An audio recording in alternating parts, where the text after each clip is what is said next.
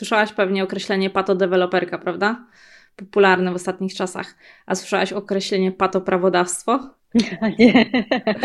No, to, Ale to co się dzieje, pasuje. pasuje, nie? Z patoprawodawstwo. Gdzieś tam wrzucałam taki komentarz ostatnio u siebie na Twitterze i ktoś napisał e, słuszny komentarz, że to się samo napędza, tak? Patoprawodawstwo napędza patodeweloperkę i odwrotnie.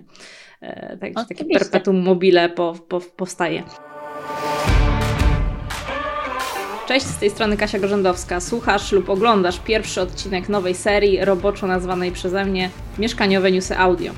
Mieszkaniowe Newsy to newsletter, który od ponad dwóch lat co piątek wysyłam do moich czytelników z przeglądem ciekawych artykułów z branży nieruchomości.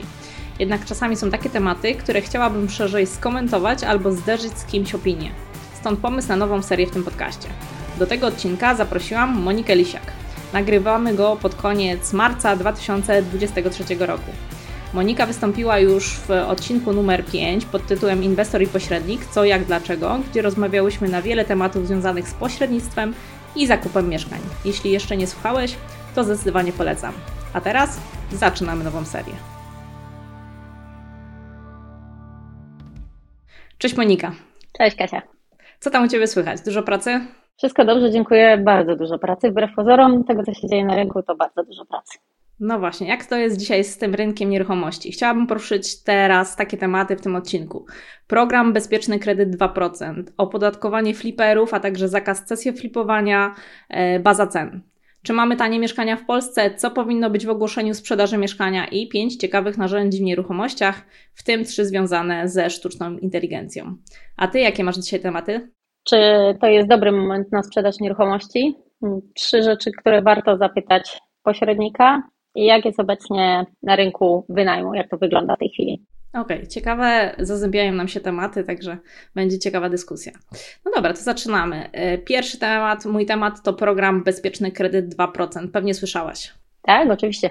I jest o tym głośno na rynku. Taki kredyt będzie mogła otrzymać osoba do 45 roku życia, która nie ma i nie miała wcześniej mieszkania, domu albo spółdzielczego prawa do lokalu.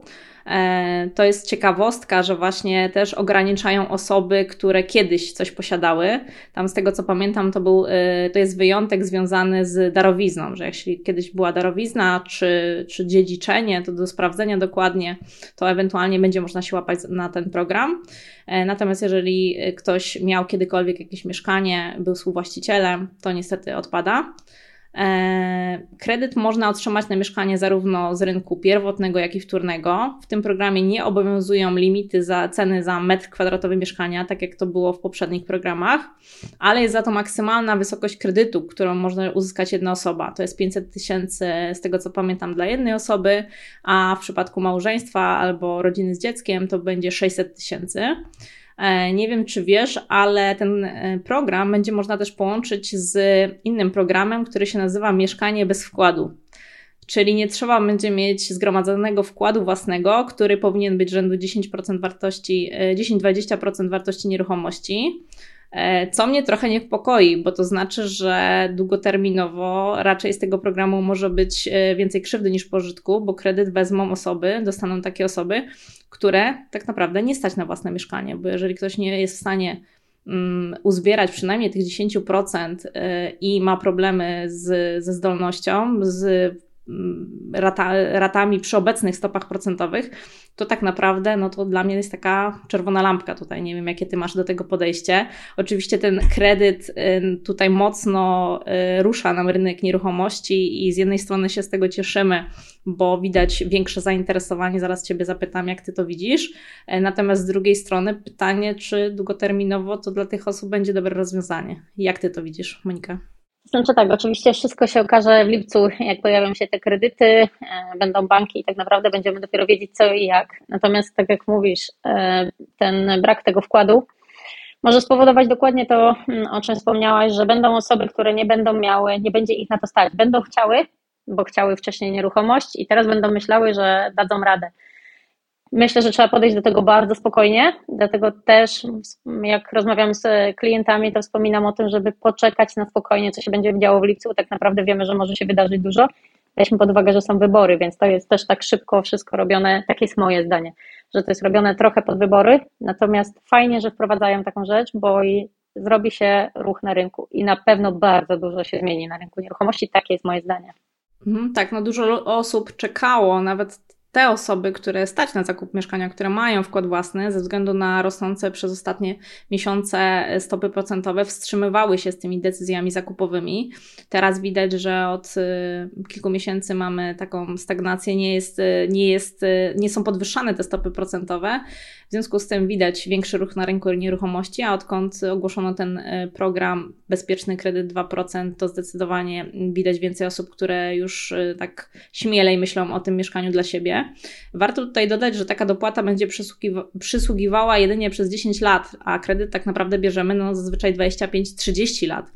E, I owszem, banki będą musiały liczyć tą zdolność kredytową również po tym okresie bez, dopłatami, bez dopłat. Natomiast no, pytanie, jak to będzie wyglądać. E, inna rzecz, która też mnie ciekawi, e, jest taka, czy te osoby, które się interesują kredytem, wiedzą, że to nie będzie kredyt 2% bo to jest e, jeszcze do doliczenia marża, są do zapłacenia oprócz tego inne prowizje, opłaty bankowe i tak dalej, więc sam kredyt no to będzie oprocentowany więcej niż 2%, także tutaj jest myślę, że taki haczyk też wyborczy, tak jak wspomniałaś, bo fajnie brzmi kredyt 2%, każdy by chciał kredyt 2%, ja też, e, natomiast nie, nie, to nie będzie 2%, bo jeszcze trzeba doliczyć marż, marżę banku, a jaka będzie, no to tak jak mówisz, zobaczymy w lipcu i to się okaże. Z tego co widzę, to większość banków będzie zainteresowanych dołączeniem do tego programu, także pewnie na, na, na najbliższych tygodniach będziemy się dowiadywać, jak to będzie wyglądać w praktyce. Tak, dokładnie. Tak jak powiedziałaś, dużo osób nie bierze pod uwagę, bo myśli, że to będzie 2%, tak jak on się ładnie nazywa. Natomiast absolutnie nie. Tu będą, tak jak mówisz, opłaty banku, marże i inne. Wszystko będzie zależało od banku, ale to wcale może się okazać nie taki super kredyt, jak e, się wszystkim wydaje. Na pewno będzie fajniej niż w tej chwili jest. Natomiast trzeba wziąć to pod uwagę, że jeszcze niektóre, niektóre osoby planują na przykład ten kredyt, bo słyszałam takie e, rozmowy, że planują pod inwestycje. Trzeba pamiętać, że tutaj przy sprzedaży tej nieruchomości przed upływem 5 lat trzeba będzie oddać wszystko. E, mhm. Więc to trzeba wziąć jeszcze pod uwagę. Więc w ogóle tu inwestycyjnie ten kredyt nie wchodzi w grę. Tak jak powiedziałaś, to jest 10 lat, a nie 20 czy 30. Ten kredyt będzie się rządził swoimi prawami i tak naprawdę moje zdanie jest takie, że zobaczymy, jak to będzie wyglądało. Fajnie, że jest coś takiego, że się pojawiło, że jest ten ruch, bo, no bo trochę już się zwiększył ruch, jest zainteresowanie, tak jak powiedziałeś, dużo osób też czekało, nawet jak miało, to chciało na niego poczekać, ale to zobaczymy tak naprawdę. No mamy już końcówkę marca, zaraz będzie kwiecień, maj, e, czerwiec i tak naprawdę zobaczymy, co banki powiedzą też. Mhm. I ile osób dostanie taki kredyt, to też mnie ciekawi. W którymś momencie były ograniczenia dotyczące dopłat z budżetu, czy wysokości udzielanych takich kredytów w danych latach. Nie wiem, czy to w końcu zostało y, uchwalone, czy nie. E, natomiast no też może być tutaj taki, taki haczyk, że jednak no nie każdy, kto będzie zainteresowany takim kredytem, go dostanie, no bo jakiś budżet nie jest z gumy. Także tutaj do, do sprawdzenia, jak, jak to będzie w praktyce wyglądało. Dokładnie, tak jak mówisz. Zobaczymy w praktyce, jak on się pojawi, to wtedy będzie można coś mówić. Bo już się nauczyliśmy na podstawie pandemii i innych sytuacji, wojny i niewojny, że my możemy myśleć jedno, a co się wydarzy, to będzie drugie, a wybory to się rządzą swoimi prawami. Dokładnie. Jeśli jesteśmy przy wyborach, to płynnie przechodzimy do kolejnego e, mojego punktu, czyli opodatkowania fliperów, zakaz sesji flipowania, baza cen. To też są pomysły, które ewidentnie wynikają e, z chęci przypodobania się opinii publicznej. E, najpierw w okolicach, z tego co pamiętam, stycznia, lutego był pomysł ograniczenia hurtowego zakupu mieszkań, limitowania zakupów w danym roku. Tłumaczono to wtedy oczywiście, że zagraniczne fundusze kupują dużo mieszkań w Polsce. Pojawiły się też straszne dane, że ten rynek urósł rok, rok do roku o jakiś tam bardzo duży procent. Tylko po zajrzeniu w szczegóły okazywało się, że udział tego segmentu e, jest bardzo, bardzo, bardzo niski. Także ten wzrost, no to tak naprawdę jest żaden. E, teraz w tym tygodniu pojawiła się mm, informacja, że będzie baza cen. Nie wiem, czy słyszałaś. E, minister powiedział, że z początkiem 2024 roku uruchomi stronę internetową z, z, mm, z przejrzystym podglądem cen transakcyjnych, mieszkań z podziałem na miejscowość, tak. dzielnicę, metraż. Ma to zapobiec, nie wiem czemu. Minister twierdzi, że jest bańka, nie wiem na jakiej podstawie. Przecież takie bazy, Monika, są dostępne, prawda? Nie dla wszystkich, oczywiście, nie są publicznie dostępne, ale no nie ma żadnego problemu, żeby dostać takie informacje. Można w łatwy sposób dowiedzieć się, w jakich cenach sprzedają się mieszkania w okolicy. Można poprosić też rzeczoznawcę o opinię o wartości, czyli taki dokument krótszy niż operat szacunkowy, więc ten pomysł z tą bazą cen, co o tym myślisz? E, jak zaczęłaś mówić o tym pomyśle, nie słyszałam o nim, to mnie rozbawił. Mm, po pierwsze, tak jak mówisz, jest dostęp, można e, skorzystać albo z rzeczoznawcy, albo wykupić dostępy. Są różne opcje, jest e, kilka takich aplikacji, w których można korzystać. Natomiast mnie zastanowiło to, kto będzie to wprowadzał. Czy zatrudnią oddzielne osoby, bo jeżeli nie zatrudnią, to urzędnicy, nie. no oczywiście wiemy, że nie, to urzędnicy no, tego nie zrobią. Notariusze. Kolejne notariusze. Będzie opóźnienie to nie będzie adekwatne do tego, co się dzieje na rynku, bo nikt nie będzie w stanie tego robić, a notariusze nie będą tego robić, będą się odwoływać.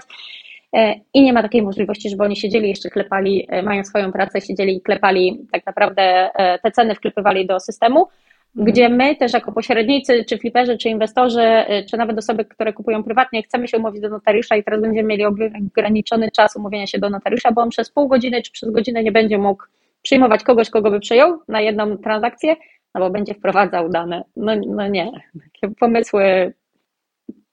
Chyba, że wykorzystają jakieś obecne bazy, nie wiem. W każdym razie wygląda mi to na kolejny pomysł pod publikę, bo tutaj no, najłatwiej bić jest tych, których opinia publiczna nie lubi, a opinia publiczna nie lubi fliperów, nie lubi sesjo fliperów, nie lubi deweloperów. E, w związku z tym, no tutaj minister ewidentnie do tego pije. Mm, jeśli chodzi o jeszcze wcześniejsze pomysły, to pewnie też słyszałaś, że była informacja o tym, żeby opodatkować te hurtowe zakupy mieszkań. E, wtedy był pomysł, żeby właśnie PCC było większe i teraz też z tego co widzę ten pomysł został utrzymany. Nie będzie PCC, czyli ten podatek od czynności cywilnoprawnych wynosił 2%, tylko 6%, ale również dla osób fizycznych, gdzie wcześniej była mowa, że tak naprawdę chodzi o te fundusze, także tutaj no, totalnie nie są spójni. Znowu tutaj chcą uderzyć we fliperów. Eee, I to ma być dla osób, które nabywają powyżej pięciu mieszkań w jednej transakcji, albo mają te pięć mieszkań i kupują kolejne. Eee, na rynku pierwotnym też y, słyszałam, że ma to funkcjonować tak, że będzie i VAT, i PCC wtedy. Podobno unijne przepisy tego nie zabraniają, więc będzie takie niejako podwójne opodatkowanie.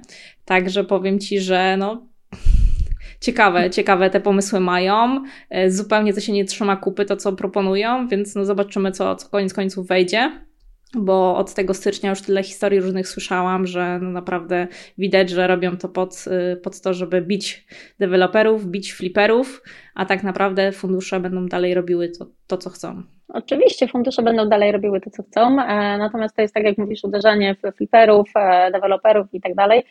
Natomiast e, na rynku jest, zauważyłam bynajmniej w rozmowach z fliperami, nawet jak teraz byłam na inwestorkach, jest e, taka trochę obawa, e, co będzie, nie będzie, czy będą, czy nie będzie.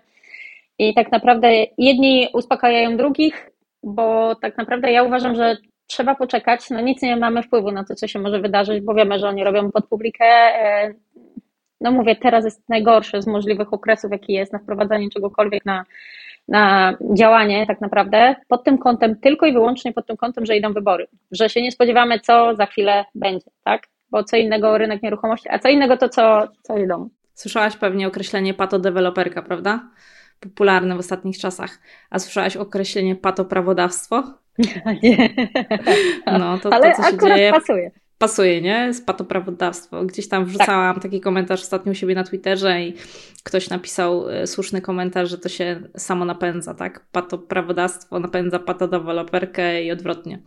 E, także takie perpetuum mobile po, po, powstaje. Jest jeszcze kolejny pomysł, też z tego tygodnia, z końca marca, że minister powiedział, że powinien być zakaz cesji na rynku pierwotnym, czyli no nie będzie można cesjoflipować czyli nie będzie można kupować mieszkań na rynku pierwotnym i odsprzedawać potem w ramach umowy deweloperskiej. Na tym rosnącym rynku w latach 2013-2020 pewnie obserwowałaś, że taka forma spekulacji była bardzo popularna. Teraz ministerstwo chce tego zabronić, tylko znów wydaje mi się, że oberwie zwykły Kowalski E, bo przecież są takie sytuacje różne życiowe, że ktoś podpisuje umowę deweloperską, potem jego plany się zmieniają, e, życiowe, lokalizacja mu się zmienia, jego sytuacja finansowa się zmienia. To znaczy, że co, że będzie musiał i tak kupić to mieszkanie od dewelopera i dopiero potem będzie mógł sprzedawać? Także no znowu też taki pomysł absurdalny. Tak, dokładnie. E, dokładnie. Pomysł jest absurdalny. Sama sprzedawałam taką nieruchomość w stanie deweloperskim na sesji no akurat potem została sprzedana normalnie, tak, bo musieliśmy już działać, bo nie było klienta, później się dopiero nieruchomość sprzedała. Natomiast tu się właśnie zmieniła sytuacja, ponieważ e, Państwo dostali pracę w innym mieście i co? I musieli e, całą nieruchomość kupić, no to jest dla mnie tak naprawdę no niezrozumiałe właśnie. No. Przecież każdy może mu się zmienić plany. Mógł, e, nie wiem, wiemy, że mieszkania od dewelopera czeka się nieraz rok, dwa, tak? Zależy w jakim stanie kupujemy ten. Więc przez ten czas, przez rok czy przez dwa może się dużo zmienić. Możemy się z kimś rozstać, możemy się z kimś ożenić, może nam się powiększyć rodzina. Chcieliśmy dwupokojowe, teraz chcemy trzypokojowe i co? Nie możemy nic z tym zrobić? No, no dla mnie pomysł e, chybiony, mocno chybiony. Ja nigdy nie działałam w cecach na rynku pierwotnym, więc tutaj nie chcę się do końca wypowiadać. Natomiast no, myślę, że to też była jakaś potrzeba rynku, tak? Deweloperzy budując dużo potrzebowali mieć te mieszkania już podpisane, umowy deweloperskie podpisane, wpłacone jakieś zadatki, nawet jeżeli to było te słynne 10,90, czyli wpłacało się przy takiej umowie 10% i reszta dopiero przy oddaniu. I na tym cesjo fliperzy właśnie korzystali, bo wkłada, y, wkładając relatywnie mało pieniędzy, można było potem e, fajnie to przeczekać rok, dwa i odsprzedać drożej na tym rosnącym rynku. Natomiast, no, tak jak powiedziałaś, też no, przez rok, dwa dużo się dzieje. Nie każdy jest w stanie podjąć decyzję o zakupie na etapie dziury w ziemi. Woli zrobić to, kiedy już widzi, mm, co, co będzie, widzi, że to jest namacalne, więc no, na, tym, na tym korzystali sesjofliperzy.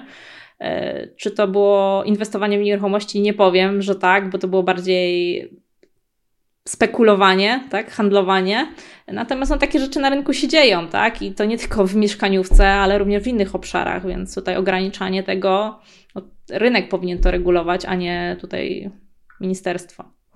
Także takie jest moje no, zdanie, tak ale pewnie przegadamy i w kolejnych miesiącach co się z tego wykluło, także jestem ciekawa. Zobaczymy. Natomiast Zobaczymy. płynnie przychodzę do kolejnego tematu. Wiem, że Ty też chciałaś na ten temat porozmawiać co z tymi mieszkaniami teraz w Polsce? Kupować, sprzedawać i tak dalej. Ja trafiłam na takie dwa ciekawe artykuły w Bezprawniku, zalinkuję w, o, w notatkach do tego odcinkach. E, I te artykuły uważam, że wbijają kij w mrowisko. Bo wszyscy mówią, że te mieszkania są drogie, że m, powinny spadać, że może jest bańka, niektórzy uważali. E, natomiast w tych artykułach analiza cen nieruchomości była prowadzona z punktu widzenia najpierw płacy minimalnej, a potem w drugim artykule z punktu widzenia średniego wynagrodzenia. Mówimy tak naprawdę, że teraz mieszkania są drogie, a kiedyś były tanie, bo pamiętamy te kwoty z metra, które były dużo, dużo niższe, ale sugerują mi się tymi kwotami bez odniesienia. E, I w tym artykule autor pokazuje, że uwzględniając ówczesne ceny nieruchomości, na przykład w Warszawie, takie średnie mieszkania 30-65 metrów, na jeden metr kwadratowy mieszkania w danym okresie trzeba było pracować na przykład w 2013 roku, czyli w tym takim momencie, kiedy te nieruchomości zaczęły e, rosnąć, to, była, to był taki dołek w ostatnich latach, te 10 lat temu, to trzeba było pracować 4 miesiące, natomiast w tym roku 2023 3,2 miesiąca. Więc to jest też ciekawa y, koncepcja, że mamy mieszkania naprawdę tanie, wiele osób na, na niej nie stać. Mm, będą teraz te programy kredyt 2%. Natomiast no to, że ludzi nie stać na mieszkanie, to też wynika jednak z właśnie tych rosnących stóp procentowych, z tego, że no nie mają zdolności niestety. Tak, dokładnie. E, można to podsumować tak naprawdę e, jednym zdaniem, które ostatnio często się pojawia i często je mówimy. E, tanio to już było E, tanio to już było i dokładnie tak jak mówisz, te raporty pokazują, jak to się przekłada e, cenowo do, do tego, na ile możemy sobie pozwolić. I właśnie tutaj wchodzi dużo czynników. Inflacja, e, kredyty, które ograniczona dostępność, tak naprawdę no wiele jest czynników. Natomiast trzeba spojrzeć na, na rynek nieruchomości z każdej strony, nie tylko z tego, co widzimy na portalach, bo widzimy na portalach ceny ofertowania, ceny transakcyjne, to jest bardzo ważna różnica bo to, że ktoś chce, nie wiem, 500 tysięcy, a sprzedaje za 300, to jest kolosalna różnica. Więc e, ta zdolność cenowa, zdolność cenowa, to na ile nas stać, czy nas stać, czy nas nie stać na zakup nieruchomości, ile można było kiedyś kupić, teraz ile można kupić, to tak naprawdę jest bardzo wiele czynników. Czy jest to dobry moment na sprzedaż czy zakup nieruchomości? Moim zdaniem tak, bo tak jak powiedziałam, tanio już było. Powiem Ci, że widziałam ostatnio fajny wpis na Twitterze i teraz go zacytuję, bo sobie zapisałam. E, to jest e, wpis użytkownika o niku Rentier Z. Uważam, że najlepiej byłoby, żeby każdy, kto publicznie głosi, zwłaszcza latami, że nadchodzą giga spadki cen nieruchomości, do swojej opinii dołączał skan aktu notarialnego pokazującego, że wszystko sprzedał, żeby odkupić taniej. Wtedy można by było to traktować poważniej. W punkt, prawda? Super, powiem Ci, że punkt, super podsumowanie. Super, super. Sama bym chętnie zobaczyła takie akty nieruchomości. Tak, tak. No, wiadomo, że rynek, to jest gospodarka, rynki są cykliczne, są różne sytuacje, są y, korekty na rynku, więc jak najbardziej to wiadomo. Natomiast no, mówienie, że jest bańka, tak jak mówił na przykład minister w tym tygodniu, albo wieścić wielkie spadki, no to tak naprawdę no, trzeba nie widzieć, co się dzieje, trzeba nie być na tym rynku chyba. Też szczególnie w kontekście nadchodzących programów typu wspomniany kredyt 2%, może się okazać, że wiele osób będzie żałowało, że teraz nie kupiło nieruchomości. E, wszyscy wieszczą, wieścili do niedawna krach na rynku. Tak naprawdę 2022 rok to był taki, że no będą spadki, będą spadki, a teraz już jednak coraz mniej słyszę e, tych osób, które wieściły spadki, że, że one będą. Owszem, w jakichś tam statystykach patrząc, nawet w Łodzi, bo ty i ja działamy w Łodzi, nie wiem, czy widziałaś, że były właśnie podobno spadki e, i to jest normalnie widać w danych NBP-u, natomiast czy ty widziałaś jakieś spadki albo ja? No nie, no to są jakbyś, mówimy o statystyce, nie. tak? Tak statystycznie nie, jak ty nie. i ja idziemy na spacer z psem, no to wiadomo, tak każdy ma po trzy nogi, także tak, tak działa statystyka, natomiast trzeba patrzeć też po prostu na to, co się dzieje, tak, na rynku. Dokładnie, dokładnie. Absolutnie nie widziałam spadku w Łodzi. A statystyki, to jest właśnie to, statystyki statystykami, a rzeczywistość rzeczywistością, a bańka bańką, tak nazwijmy mm. to mhm. tak. Mhm. A powiedz mi, jak twoi klienci w ogóle odnoszą się do tej sytuacji teraz? Pytają cię, czy kupować, czy sprzedawać, ale przecież brat, siostra mówili, żeby poczekać, yy, bo ceny spadną, albo właśnie szwagier tak radził, że teraz nie warto, że może rynek stoi, że może poczekam. Pytają cię w ogóle o takie rzeczy, czy już wiedzą, co robić? Pytają się i cały czas się zdarzają takie osoby, które przychodzą na nieruchomość, chcą ją kupić, to przeważnie kupujący. Sprzedający też e, czasami, ale to bardzo rzadko. E, ja pracuję głównie z poleceń, więc też inaczej z tymi klientami mm, e, rozmawiam. Natomiast jest taka tendencja, bo kolega powiedział, bo widziałem w telewizji, bo szwagier, bo siostra, bo brat powiedział, że to nie jest dobry moment, bo ceny będą spadać, albo może jeszcze dostanę więcej. Mam jeszcze takich jednych klientów, którym sprzedaję nieruchomości i klientka się cały czas zastanawia, bo może ceny pójdą w górę, bo jej koleżanka mówi. Cały czas z nią rozmawiam, cały czas jej tłumaczę, że no, koleżanka może mówić, ale tak naprawdę co wie koleżanka to jest swoje, co wiem ja to jest druga strona medalu i musi się zastanowić, kogo słuchać. Na szczęście słucha mnie, e, bo, e, bo sprzedajemy tą nieruchomość, natomiast to tak nie działa. Bardzo dużo osób zdarza mi się, może nie bardzo dużo, bo to jest źle powiedziane, zdarzało mi się takie przypadki, że ktoś nie kupił nieruchomości, przyszedł, obejrzał, potem zadzwonił do mnie i powiedział, że na przykład właśnie brat czy siostra powiedział, czy kolega, że to nie jest dobry moment, bo ceny będą spadać. Dzwoni za jakiś czas na tą samą nieruchomość, bo jednak zobaczył, że te ceny nie spadają i wtedy chce kupić tą nieruchomość. Ja mówię, że to już jest nie, niestety, ona już jest sprzedana i bardzo dużo. Tak, e, nieaktualna cena, nieaktualna oferta. Zdarzają się takie przypadki, że te osoby później e, tak naprawdę tracą, żałują i no, że tak powiem, nie kupili tego, co sobie wymarzyli. I to jest też duży problem tak naprawdę, bo jeżeli coś sobie wymarzymy, coś nam się bardzo spodoba i nie możemy tego kupić, bo, bo ktoś nam powiedział, to potem tak naprawdę każda kolejna nieruchomość będzie już porównywana do tamtej i będzie bardzo ciężko później kupić, tak? A taki kolega, który powiedział, czy brat, czy siostra, to co? powiedział, bo powiedział, bo tak w telewizji to bardzo często to słyszę, bo w telewizji mówili. A propos, a propos to mi się przypomniało, jak mówiłaś, że ktoś tam powiedział, że kiedyś był taki pro, program w latach 90. Tata, a Marcin powiedział z Piotrem Frączewskim. To jest na tej tak, zasadzie. Dokładnie. Tata, Marcin. Tak, tak, dokładnie. Tak, dokładnie. tak, tak. Monika, a szwagier powiedział, że teraz to nie warto kupować. Ale to fajnie też powiedziałaś, y, nie wiem czy to wybrzmiało, ale zależnie z której strony jesteśmy. Ci, co kupują, to jednak czekają na te spadki, natomiast ci, co sprzedają, to jednak są pewni, że te wzrosty będą i wstrzymują się z tymi sprzedażami, widzą, co się dzieje na rynku, widzą, jaka jest inflacja i czasami po prostu wolą poczekać niż, y, niż teraz y, decydować się na sprzedaż. Tak, dokładnie, dokładnie. A jak to jest obecnie, Monika, z wynajmem nieruchomości? Obecnie z wynajmem nieruchomości e, tak naprawdę rynek cały czas działa. E, jest spokojnie, bo wiadomo, no, sytuacja po wojnie była taka, że wszystko się wynajmowało. Mieliśmy, e, przyjechali mm, mieszkańcy Ukrainy do nas, było bardzo dużo osób, więc e, te nieruchomości po prostu wynajmowały się na pniu.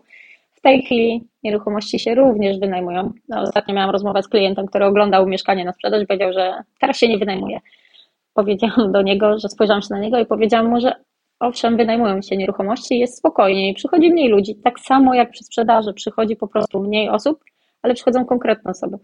Ostatnio wynajmowałam mieszkanie w Łodzi, e, które było drożej niż e, pozostałe, bo to było w nowym bloku deweloperskim. Przyszedł jeden klient. Jeden klient i to bardzo szybko przyszedł, który się zdecydował na tę cenę. Absolutnie nie było najmniejszego problemu. Nie musi przychodzić 20-30 osób, tak jak przy sprzedaży. Przychodzi jedna konkretna osoba. Jest po prostu spokojnie, ale cały czas wynajem jest. Mniej oglądaczy, więcej konkretnych zainteresowanych osób, które też są świadome finansowo, wiedzą na co ich stać, wiedzą jakie mają możliwości i wiedzą czego chcą. Tak, dokładnie, dokładnie.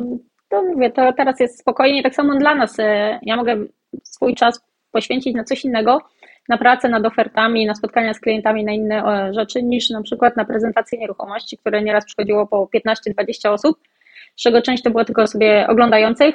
Teraz jak przychodzą, to przychodzą osoby konkretne, czy to na wynajem, czy to na mm, sprzedaż. Tak, tak. Pamiętam jedno z pierwszych naszych flipowych mieszkań parę lat temu, które sprzedawaliśmy. To był akurat flip dla rodziny. Przyszła rodzina oglądać i y, był pan, który miał nogę w gipsie. To mieszkanie było na drugim piętrze mieli dziecko takie dwu, trzyletnie i drugiego noworodka, czy takiego niemowlaczka w takim nosidełku.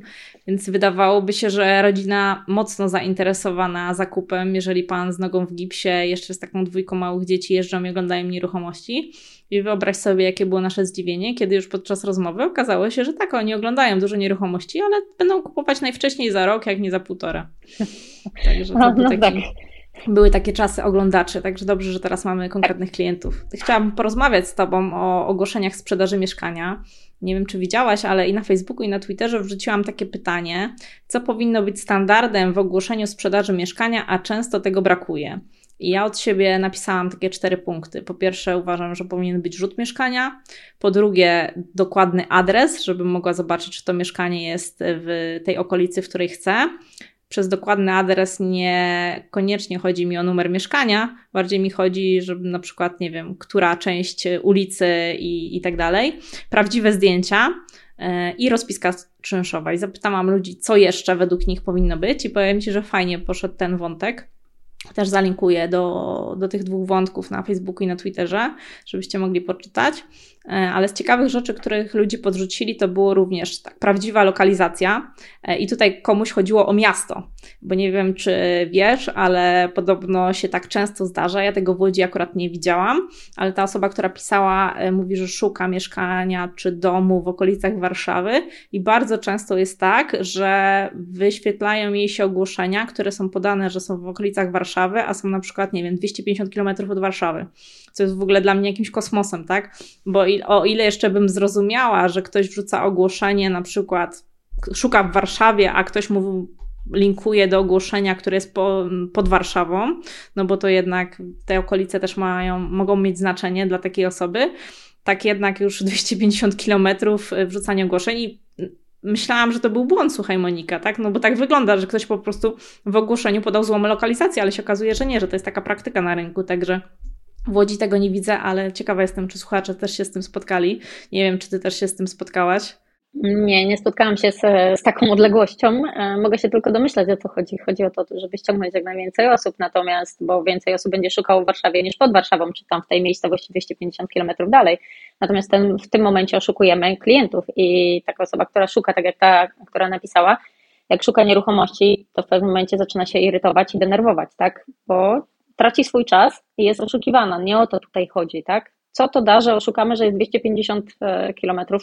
Jak ktoś szuka w Warszawie, to i tak nie przyjedzie na tą nieruchomość, która się znajduje 250. 50 to jeszcze może byłaby szansa, żeby się zdecydował, tak? Jakby sobie przeliczył dobry dojazd, czasowo i tak dalej, to jest jakieś, jakaś szansa, tak? Natomiast to i tak bym wpisała tą miejscowość, w której jest de facto nieruchomość. Natomiast no 250 kilometrów Absolutnie. Jak, jak, jakiś absurd.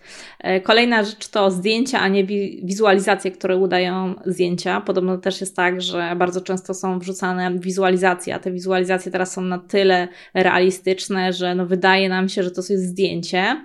Ja powiem Ci, że czasami mam problem w drugą stronę, bo my zawsze wrzucamy zdjęcia e, i bardzo często klient nas prosi o te o te prawdziwe zdjęcia, ale my mówimy, ale to są prawdziwe zdjęcia, to nie jest wizualizacja.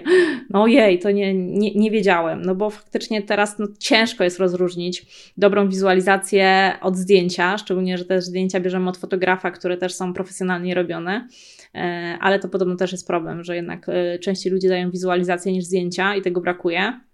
Podobno nie ma dość często rodzaju ogrzewania. E, powstały też takie marzenia w komentarzach, żeby pojawiał się zwymiarowany rzut mieszkania z zaznaczonymi pionami. Także marzenie każdego inwestora, żeby bez jechania na mieszkanie od razu widzieć, co tam można zrobić. E, I informacja o garażu i parkingu. E, niedługo będziemy dorzucać też informacje ze świadectwa energetycznego. Jeżeli ktoś będzie wynajmował i sprzedawał, to na, od końca kwietnia już takie informacje będą się musiały znajdować w w tym ogłoszeniu. Natomiast wiesz, Monika, to jest perspektywa strony poszukującej, tak? Chcielibyśmy mieć te wszystkie informacje w takim ogłoszeniu. A powiedz mi, jak ty widzisz to ze strony perspektywy osoby sprzedającej? Przecież jak się poda te wszystkie informacje na tacy, to jest szansa, że klient do ciebie nie zadzwoni. Przecież w deweloperce, tak, jest taka stosowana praktyka e, w sprzedaży mieszkań. Zapytaj o cenę idziesz do dewelopera, sprawdzasz jego stronę czy ogłoszenie. Bardzo często tych cen nie ma podanych, bo po prostu trzeba wysłać swój kont, kontakt do siebie i zapytaj o cenę która przy okazji mówiąc i wracając do pomysłów rządowych, też ma być zabroniona. To kolejny plan ministerstwa z tych, o których rozmawiałyśmy wcześniej, że też ma nie być zapytaj o cenę, nie wiem czy słyszałaś, ale no to jest taki y, sprzedażowy, nie wiem czy można powiedzieć trik, ale taka, ta, taka metoda, żeby po prostu z tym klientem porozmawiać, tak? Więcej mu przekazać informacji, wytłumaczyć i tak dalej. Jak ty to widzisz? Znaczy tak, może zacznę od deweloperów. E, akurat ten pomysł uważam za bardzo dobry, bo tak naprawdę e, skoro my wszyscy jako sprzedajemy, wszyscy powiedzmy ci, co sprzedają na rynku, bo ja głównie na rynku wtórnym e, pracuję, jeżeli ja sprzedaję na rynku wtórnym i ja muszę pokazać cenę, to dlaczego oni nie mają mnie pokazywać ceny, tak? Bo to jest, tak naprawdę nigdy nie wiesz, takie jest moje zdanie osobiście, że nigdy nie wiesz, czy ta cena nie jest akurat podniesiona, obniżona, nie wiesz jaka ta cena jest i tak naprawdę też nie wiesz, czy się zdecydować, czy cię na to stać, czy mm, ja szanuję bardzo czas swój, klientów sprzedających i kupujących. Więc jeżeli ja miałabym iść do dewelopera sobie porozmawiać, a nie wiem, czy mnie na to stać, no to mi by się nie chciało. To tak przy okazji deweloperów, tak? Jasne. Natomiast jeżeli chodzi, jeżeli chodzi o ogłoszenia na rynku, to tak naprawdę praktycznie wszystko, o czym powiedziałaś, to w moich ogłoszeniach jest. Nie ma tylko z pionów, gdzie się znajdują i wymiarów takich dokładnych, masz tylko wymiary mhm. pomieszczeń.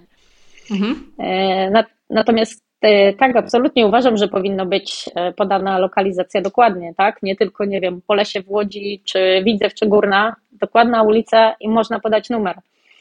Ja, jak pracuję na wyłączności, zawsze to podaję. Tu jest właśnie różnica biur, które działają na wyłączności albo e, na umowach otwartych. Tak samo prywatne osoby się boją. Kiedy podajemy tak naprawdę ulicę, nie wiem, Piłsudskiego 147, no to tam może być blok, w którym może być, nie wiem, 100 mieszkań, więc nikt nie będzie chodził i nie będzie dzwonił. No, jak będzie chodził i dzwonił, to jest kwestia tego, żeby ustalić to z klientem, jak ma się zachować, kiedy ktoś mu przyjdzie na nieruchomość. To jest inna zupełnie rozmowa. E, natomiast dokładnie tak jak powiedziałaś, każdy chce wiedzieć, czy ta lokalizacja mu odpowiada, bo ulica Pomorska e, w Łodzi, najdłuższa ulica ma 11 km. Jeżeli ktoś napisze Pomorska, to nie wiemy, czy ona jest od Placu Wolności od centrum, czy ona jest na stokach. No więc 11 kilometrów, no troszeczkę chcielibyśmy wiedzieć, z której strony ta nieruchomość. Te wszystkie rzeczy powinny być tak samo jak prawdziwe zdjęcia. Tak jak wcześniej powiedziałam, ja szanuję czas swój, klientów sprzedających i kupujących i nie wyobrażam sobie, że oni przyjdą na nieruchomość i widzą zupełnie coś innego e, niż było na zdjęciach. Absolutnie nie. E, tak samo jak mówisz, że do Was klienci dzwonili i się zdziwili, że to są realistyczne zdjęcia. To właśnie super świadczy o tym, jak robicie nieruchomości, to bardzo fajnie świadczy, natomiast też świadczy o tym, e, jak dużo osób zakłamuje. Mm, nie wiem tak naprawdę po co to jest robione, bo ta osoba, która przyjdzie, to zaraz wyjdzie, nie będzie chciała rozmawiać. Co innego zrobić wizualizację do mieszkania, pokazać, które jest do generalnego remontu, i to wtedy możesz dodać wizualizację, bo robisz rzut i robisz wizualizację i pokazujesz, że tak może wyglądać. Ale nie do mieszkania, które powiedzmy jest do lekkiego remontu czy coś. Mówimy o takim typowym, jak my to mówimy, granacie, tak? Czyli to wtedy ok, ale granat też można, takie mieszkanie do generalnego remontu też można zdjęcie wrzucić. To nie jest problem. Wtedy ktoś wie yy, tak naprawdę jako nieruchomość, tak? Jeżeli jest już totalnie, totalnie źle, no to wtedy tego nie wrzucamy, opisujemy to, rozmawiamy przez telefon czy coś, ale no starajmy się nie zakłamywać. No. Mhm, czyli Postawmy jednak... się z drugiej strony, czy byśmy chcieli, żeby ktoś nam tak zrobił, jak my byśmy chcieli kupić nieruchomość, czy byśmy chcieli w ten sposób być odebrani, tak? Ja bym się zawsze postawiła z drugiej strony. Mhm, super perspektywa, czyli jednak według Ciebie więcej informacji niż mniej. Jak klient będzie zdecydowany, zainteresowany, to i tak zadzwoni. Nie trzeba tutaj się uciekać do takich trików, żeby, żeby do niego żeby, żeby ukrywać informacje, żeby próbować ten kontakt pozyskać. Tak, dokładnie, takie jest moje zdanie. Im więcej, tym lepiej, wtedy osoba jest zdecydowana, wie, czy chce przyjść. A jak będzie mniej informacji, ona przyjdzie, okaże się, że to nie jest to, to tak naprawdę ty w tym czasie mogłaś zrobić coś innego, nie wiem, pojechać na inną nieruchomość, skontrolować ją, zająć się wynajmem, sprzedażą, nie wiem, pójść z dzieckiem na lody, cokolwiek innego zrobić, tak? A przyjechałaś, przejechałaś przez pół miasta, nastałaś się w korkach po to tylko, żeby ktoś wszedł i wyszedł. Tak, czyli mamy apel do pośredników, do osób, które sprzedają prywatnie, zdecydowanie więcej informacji poprosimy w ogłoszeniu, to też oszczędzi Wasz czas, czas Waszych klientów i trafią do Was, tak, trafią do Was zdecydowane osoby. Tak, dokładnie, prawdziwych informacji, tak. Nie zakłamujmy tak samo jak z powierzchnią, absolutnie nie. Nie ukrywajmy, że sprzedajemy udziały, a nie e, pełną własność czy coś takiego, tak. Mhm, nie ukrywajmy takich rzeczy. Mhm. Tak, dokładnie. Lecimy dalej. Kolejny temat, który mam, to pięć ciekawych narzędzi w nieruchomościach, w tym trzy związane ze sztuczną inteligencją. E, uważam, że żyjemy w mega ciekawych czasach. Sztuczna inteligencja będzie nam pomagać za chwilę, już pomaga w codziennej pracy. E, to się dzieje. Pewnie słyszałaś, że od niedawna jest dostępny chat GPT, czyli taka platforma ze sztuczną inteligencją, z którą możemy rozmawiać, dostępna przez przeglądarkę internetową dla każdego. Serwis został uruchomiony pod koniec 2022 roku. E, pierwszy milion użytkowników zebrał szybciej niż jakikolwiek inny serwis wcześniej, szybciej niż e, na przykład Netflix, który dość szybko tutaj też pozyskiwał klientów. W tej chwili jego zasób wiedzy to informacje zebrane do września 2021, także jest to ograniczenie wiedzowe do tego roku, ale to i tak ten czat, ten, ta sztuczna inteligencja zna wiele faktów, wydarzeń, odkryć, książek e, i różnych tematów, które są znane do tego 2021 roku. E, I wyzwanie, które ja widzę, to będzie odpowiednie wpisywanie zapytań do tego czatu, bo naprawdę potencjał jest ogromny, tylko trzeba wiedzieć, co chcemy uzyskać i jak o to zapytać. Jeśli chodzi o branżę nieruchomości, to testowałam go do stworzenia ogłoszenia o sprzedaży mieszkania nie wiem, czy widziałaś, wrzucałam taki filmik, zalinkuję też do tych wszystkich aplikacji w notatkach tego odcinka. Można wpisać takie zapytanie. Napisz ogłoszenie o sprzedaży mieszkania, które przyciąga uwagę, wciąga, budzi emocje i dodaj emoji, czyli te takie emotikonki. No i podajesz tutaj dane mieszkania, klikasz Enter i się okazuje, że dostajesz naprawdę fajny, mieszka- e, fajny opis e, mieszkania. Jeśli się zna dodatkowo zasady copywriterskie, to można poprosić czat, żeby ogłoszenie było napisane zgodnie z wybranym modelem. Na przykład jest taki model copywriterski AIDA, Attention, Interest, Desire, Action. To się fajnie czyta, fajnie to brzmi, e, więc można poprosić też czat, żeby ogłoszenie było skierowane do konkretnej grupy odbiorców, napisane krócej, dłużej, jak się chce.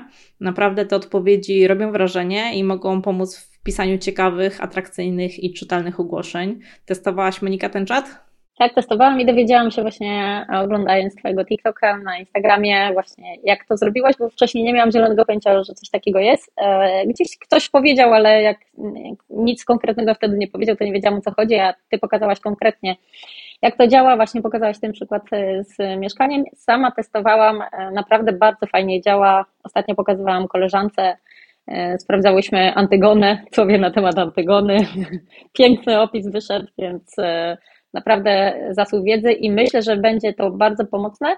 Kwestia tego, jak ktoś to będzie wykorzystywał, tak? Myślę, że w wielu branżach na pewno się przyda, ułatwi, usprawni pracę, tak? Przyspieszy.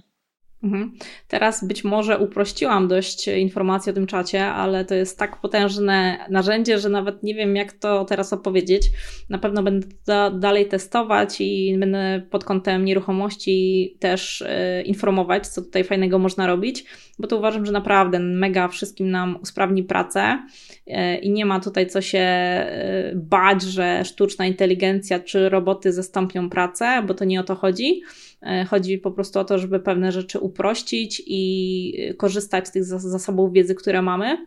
Ja na przykład jestem z wykształcenia matematykiem, więc dla mnie pisanie pewnych tekstów dłuższych jest wyzwaniem, bo ja piszę krócej niż dłużej.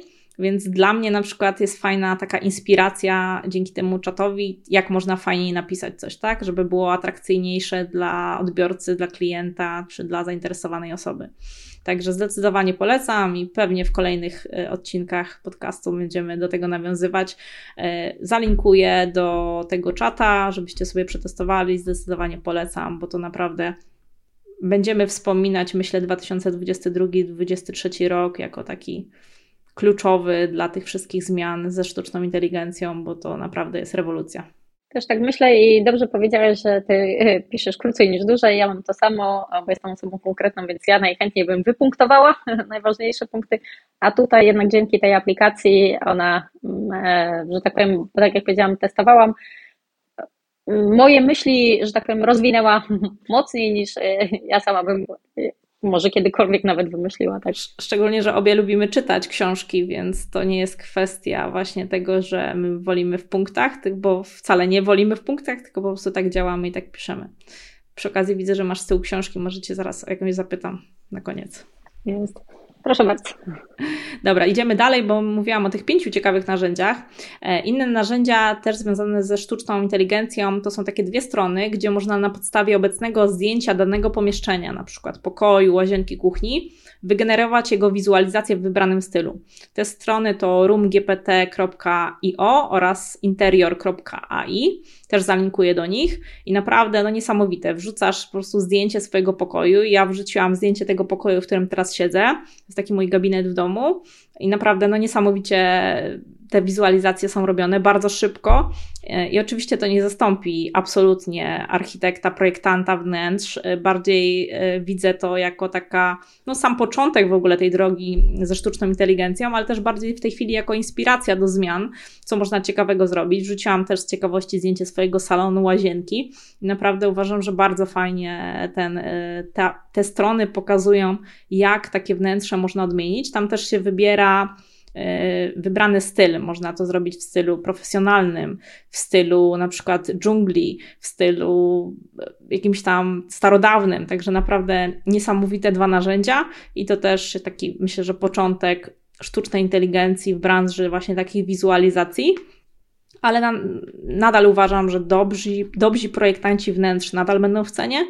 Natomiast no, tutaj na pewno takie narzędzia pomogą w codzienności. Jak myślisz, testowałaś? Nie, nie testowałam, natomiast e, wiem też właśnie od Ciebie, bo tak naprawdę dużo takich nowinek od Ciebie, więc super, e, dziękuję Ci za to bardzo. E, natomiast nie, nie testowałam jeszcze, ale nawet zastanawiałam się ostatnio i uważam, że jest to bardzo fajny pomysł, bo jeżeli ktoś nawet robi remont mieszkania i nie potrzebuje do tego architekta, bo wiadomo, że chcemy zrobić remont też w jakimś sensie oszczędzając, to nie, nie robimy całego domu, tylko chcemy pokój zmienić, to można sobie tak naprawdę zobaczyć, jakby mogło to wyglądać, tak? Nie jak musi to wyglądać, tylko jakby mogło to wyglądać. Tak, no właśnie. To taka fajna podpowiedź. Tak, jaka inspiracja. No bo ja te, też tak mam, tak? Znowu matematyk, tak? Ja nie potrafię wymyśli, wymyśleć, jak to powinno wyglądać, ale jak zobaczę na rysunku, na żywo, na wizualizacji, to ja wiem, czy mi się to podoba, czy nie, wiem, co poprawić, wiem, co zmienić, tak? Więc ja muszę mieć po prostu na żywym organizmie. Więc dla mnie w ogóle absolutnie rewelacyjne takie aplikacje i pomysł w ogóle, ale tak jak mówię, no, projektant wnętrz zawsze w cenie. E, oczywiście pamiętajmy, że 60% Polaków ma problemy z wyobrażeniem sobie. I to nie jest tak, e, nie generalizując, że to, to są ja. mężczyźni, no właśnie tak, czy mężczyźni, czy kobiety. Myślę, że jest tutaj e, bardzo równe proporcje. Są, bardzo dużo osób nie potrafi sobie wyobrazić i to wiem po klientach, jak wchodzą na pustą nieruchomość, to ja im akurat podpowiadam w tym wypadku, ale jak robiłam swój salon, to też dużo się zastanawiałam na ten temat, tak naprawdę uważam, że fajna podpowiedź. Wiadomo, architekci zawsze będą w cenie, bo jednak architekt jest architekt, on tu zrobi, on pomierzy, on to wszystko powie, powie gdzie kupić, co kupić, jak kupić, będzie wiedział jak zmienić. Natomiast to uważam, że bardzo fajny pomysł przyszłościowy i również przyda się architektom, na pewno będą z niego korzystali. Mhm. Bo zawsze jakaś inspiracja, no oni też potrzebują inspiracji, powiedzmy sobie szczerze, tak. Tak jest. Idąc dalej, to jest też taka ciekawa aplikacja Dulux Visualizer na Androidy i na iOSy. Pozwala na wirtualne malowanie ścian. Czyli na przykład, jakbym chciała pomalować tą ścianę tutaj gdzieś za, za mną, to ja lubię już po prostu widzieć, jak to będzie wygląda, wyglądać. I kiedyś było tak, że się kupowało te takie próbki, się malowało gdzieś tam za kanapą i się sprawdzało, jak to będzie wyglądać i który kolor kupić. A teraz jest taka aplikacja i można po prostu rzucić od razu na ścianę taki kolor, e, oczywiście Duluxa, więc to jest taka apka reklamowa Duluxa e, i zobaczyć, który kolor będzie pasował do wnętrz. Podoba mi się, bo tam jest też taka opcja, że można e, dopasować kolor do jakiegoś na przykład do kanapy, do jakiegoś elementu wnętrza, które posiadasz, który chcesz, chcesz zachować. E, można stworzyć swoją paletę barw, można zobaczyć, jakie kolory są po, polecane do danego rodzaju wnętrza. Także naprawdę fajna aplikacja, polecam Deluxe Visualizer, zalinkuję i przetestujecie sami. Też myślę, że super, jak powiedziałeś, że jeszcze do Luxa, więc tak naprawdę wiemy z jakiej firmy już. E, I teraz pytanie do Ciebie, czy pokazuje jaka to jest dokładnie farba, jaki model, czy tam numer, czy seria, nie wiem jakie tam, czy bo jeżeli tak, tak, tak pokazuje, no to rewelacyjnie. Podaje nazwę. A, mhm. no tak, tak, tak. No bo to no jest to... ich apka reklamowa, nie? Więc po to jest zrobiona, żeby kupować u nich farby. E, natomiast właśnie też można zobaczyć, w którym kierunku chce się iść, także zdecydowanie fajne. E, o piątej aplikacji nie powiedziałam, to jest aplikacja też do tworzenia rzutów wizualizacji spaceru 3D. O tym opowiadał Jeremiasz, ale jak sobie wejdziecie w link, który podam, to można zobaczyć i naprawdę też ciekawa opcja do tworzenia z brzydkich rzutów, ładnych rzutów i ładnych wizualizacji. Ta apka jest płatna, 15 dolarów. W momencie, kiedy Jeremiasz, słuchaj, nagrywał miesiąc temu ten filmik, to już to kosztowało 10 dolarów, teraz już kosztuje 15 dolarów, ale wyniki rewelacyjne. Nie jest to do końca sztuczna inteligencja, bo widać, że nad tym ludzie pracują, także mają jakiś zespół, który robi takie właśnie ładne rzuty i ładne wizualizacje i do tego spacer, no ale za 15 dolarów nadal uważam, że fajna opcja, także to zostawiam do lektury własnej, do obejrzenia i lecimy dalej. Jeśli interesujesz się nieruchomościami, obserwuj nas po więcej ciekawych materiałów. W notatkach do tego odcinka podeślę Ci linki do moich i Moniki social mediów. Wybierz to, z którego korzystasz i zaobserwuj nas teraz. My chwilę poczekamy, prawda Monika? Tak. Czekamy. Ty klikaj i obserwuj. Możesz kliknąć pauzę. Ok, gotowe? Lecimy dalej. Jeszcze chciałaś porozmawiać o, o co zapytać pośrednika. Tak, o co zapytać pośrednika, y, z mojego punktu widzenia, to mogę podpowiedzieć, y, że jeżeli chcecie podpisać umowę z pośrednikiem, to są takie trzy najważniejsze rzeczy, które ja bym y, się zapytała pośrednika. Po pierwsze, co i jak będzie robił. Jak jesteście na spotkaniu z pośrednikiem, to nie wstydźcie się, nie bójcie się zapytać, nigdy się nie bójcie pytać, nie ma tak zwanych głupich pytań. Pytajcie się, nie bójcie się, pośrednik powinien Wam odpowiedzieć, co i jak będzie robił mniej więcej mm, ja bynajmniej na swoim przykładzie mogę powiedzieć, że mam jakiś plan na nieruchomości, ale dopiero jak pojadę na tą nieruchomość, ją zobaczę, to wtedy rozmawiam z klientami i mówię, co i jak będę prowadzić sprzedaż, tak? To, to takie bardzo ważna rzecz, zapytajcie się, co będzie robił, e, kiedy, mniej więcej jak, co planuje i tak dalej. No chyba, że znacie go, jest z polecenia, macie zaufanie, wiecie jak działa, no to jest inna kwestia, ale jeżeli nie znacie i przychodzi do Was pierwszy raz, to zapytajcie się o te rzeczy, co będzie robił i jak będzie robił, Kolejna rzecz to jest, czy inwestuje w reklamę, czy tylko po prostu doda ogłoszenie, nie wiem, tylko na swojej stronie, czy doda na innych stronach, bo wiemy, że te portale sprzedażowe typu to Dom, Morizon i tak dalej strasznie podrożały, a już e, oto Dom bardzo w porównaniu do zeszłego roku. Czy będzie na tym oszczędzał, czy nie? Bo to jest jednak reklama dla Was. Czy doda to ogłoszenie na OLX, czy tylko na własnej stronie, którą ma po prostu wykupioną domenę rocznie i nic nie płaci. To jest bardzo ważna sprawa, tak samo czy się będzie współpracował z innymi pośrednikami, tak? Bo niestety nadal, chyba nawet rozmawiałyśmy o tym w podcaście na temat współpracy z pośrednikami, nadal się zdarzają sytuacje, że pośrednicy nie współpracują. To jest bardzo ważne, bo pamiętajcie, jeżeli pośrednik dany nie współpracuje z drugim pośrednikiem, to ogranicza Wam możliwość sprzedaży, bo nigdy nie wiecie, czy, czy będzie mógł komuś sprzedać, zapytajcie się, bo taki pośrednik Wam nie powie tego, bo jeżeli się nie zapytacie, to on Wam nie powie. A jeżeli zgłoszę się ja do kogoś i ten ktoś mi powie, że on na przykład nie sprzedaje, bo on nie współpracuje z innym pośrednikiem, a ja mam klienta, który chciał kupić jego nieruchomość, no to tak naprawdę ograniczy ich sprzedaż, bo może już potem nie sprzedać tej nieruchomości, a Wy jako klient sprzedający możecie tego nie wiedzieć, że ja nawet dzwoniłam, bo Wam nie przekażę tego. Więc pamiętajcie, to są trzy takie bardzo ważne sprawy. Czy współpracuję z innymi pośrednikami, czy inwestuję pieniądze reklamę i trzecia sprawa, jak i co będzie robił. To mogę Wam podpowiedzieć. Tak jest. Polecam piąty odcinek podcastu, w którym sporo na ten temat też rozmawiałyśmy z Moniką. E, rynek pośrednictwa nie jest łatwy. Na, nadal są opinie różne na temat pośredników. Dobrze wiesz, Monika, że, że jednak e, działają różni agenci, ale ja jestem bardzo zadowolona z tego, jak, w jakim kierunku ta branża idzie. Także zdecydowanie uważam, że można nawiązać fajne współpracę z dobrymi pośrednikami. Tylko tak jak mówisz, trzeba wiedzieć o, o, co zapytać, trzeba wiedzieć, co sprawdzić, żeby to właśnie na pewno był ten dobry pośrednik, a nie ten byle jaki, na którego potem będziesz narzekać. Tak, i tak jak powiedziałaś, rynek idzie w dobrą stronę pośrednictwa, to jeszcze tak dodam, e, bo ta sytuacja, która się wydarzyła po wojnie i to, że nie ma kredytów i tak dalej, to rynek bardzo się zmienił e, i dużo agentów odeszło, bo nie po, po prostu sobie nie poradzili, bo myśleli, że się będzie wszystko samo sprzedawać. To tak nie wygląda, naprawdę się trzeba napracować. To jest ciężki rynek, e, tu jest dużo pracy. I na szczęście, że tak powiem, zmieniło się, idzie w dobrą stronę. I tego się Super. trzymajmy. No tak, bardzo fajnie, że o tym, o tym powiedziałaś, bo ten rynek nieruchomości przez pandemię, przez wojnę przez te rosnące stopy procentowe, inflację teraz naprawdę zmienił się z takiego mocno rosnącego rynku, gdzie cokolwiek się zrobiło, tam no, się zarabiało. Przeszliśmy do takiego rynku, w którym trzeba po prostu wykazać się pewnymi zdolnościami, umiejętnościami i zaangażowaniem. I faktycznie te osoby, które tego nie potrafiły, no to odpadły z tego rynku, natomiast zostały osoby, które właśnie działają, wiedzą co chcą, mają strategię, mają umiejętności i Dokładnie. idzie to w dobrym kierunku. Dokładnie tak jak powiedziałeś, dokładnie. Dobra. Zgadzam się. To tyle na dzisiaj. Dzięki Monika za pierwszy testowy odcinek. Dajcie proszę znać, jak Wam się podobało. Subskrybujcie podcast i do usłyszenia później. Do usłyszenia, cześć.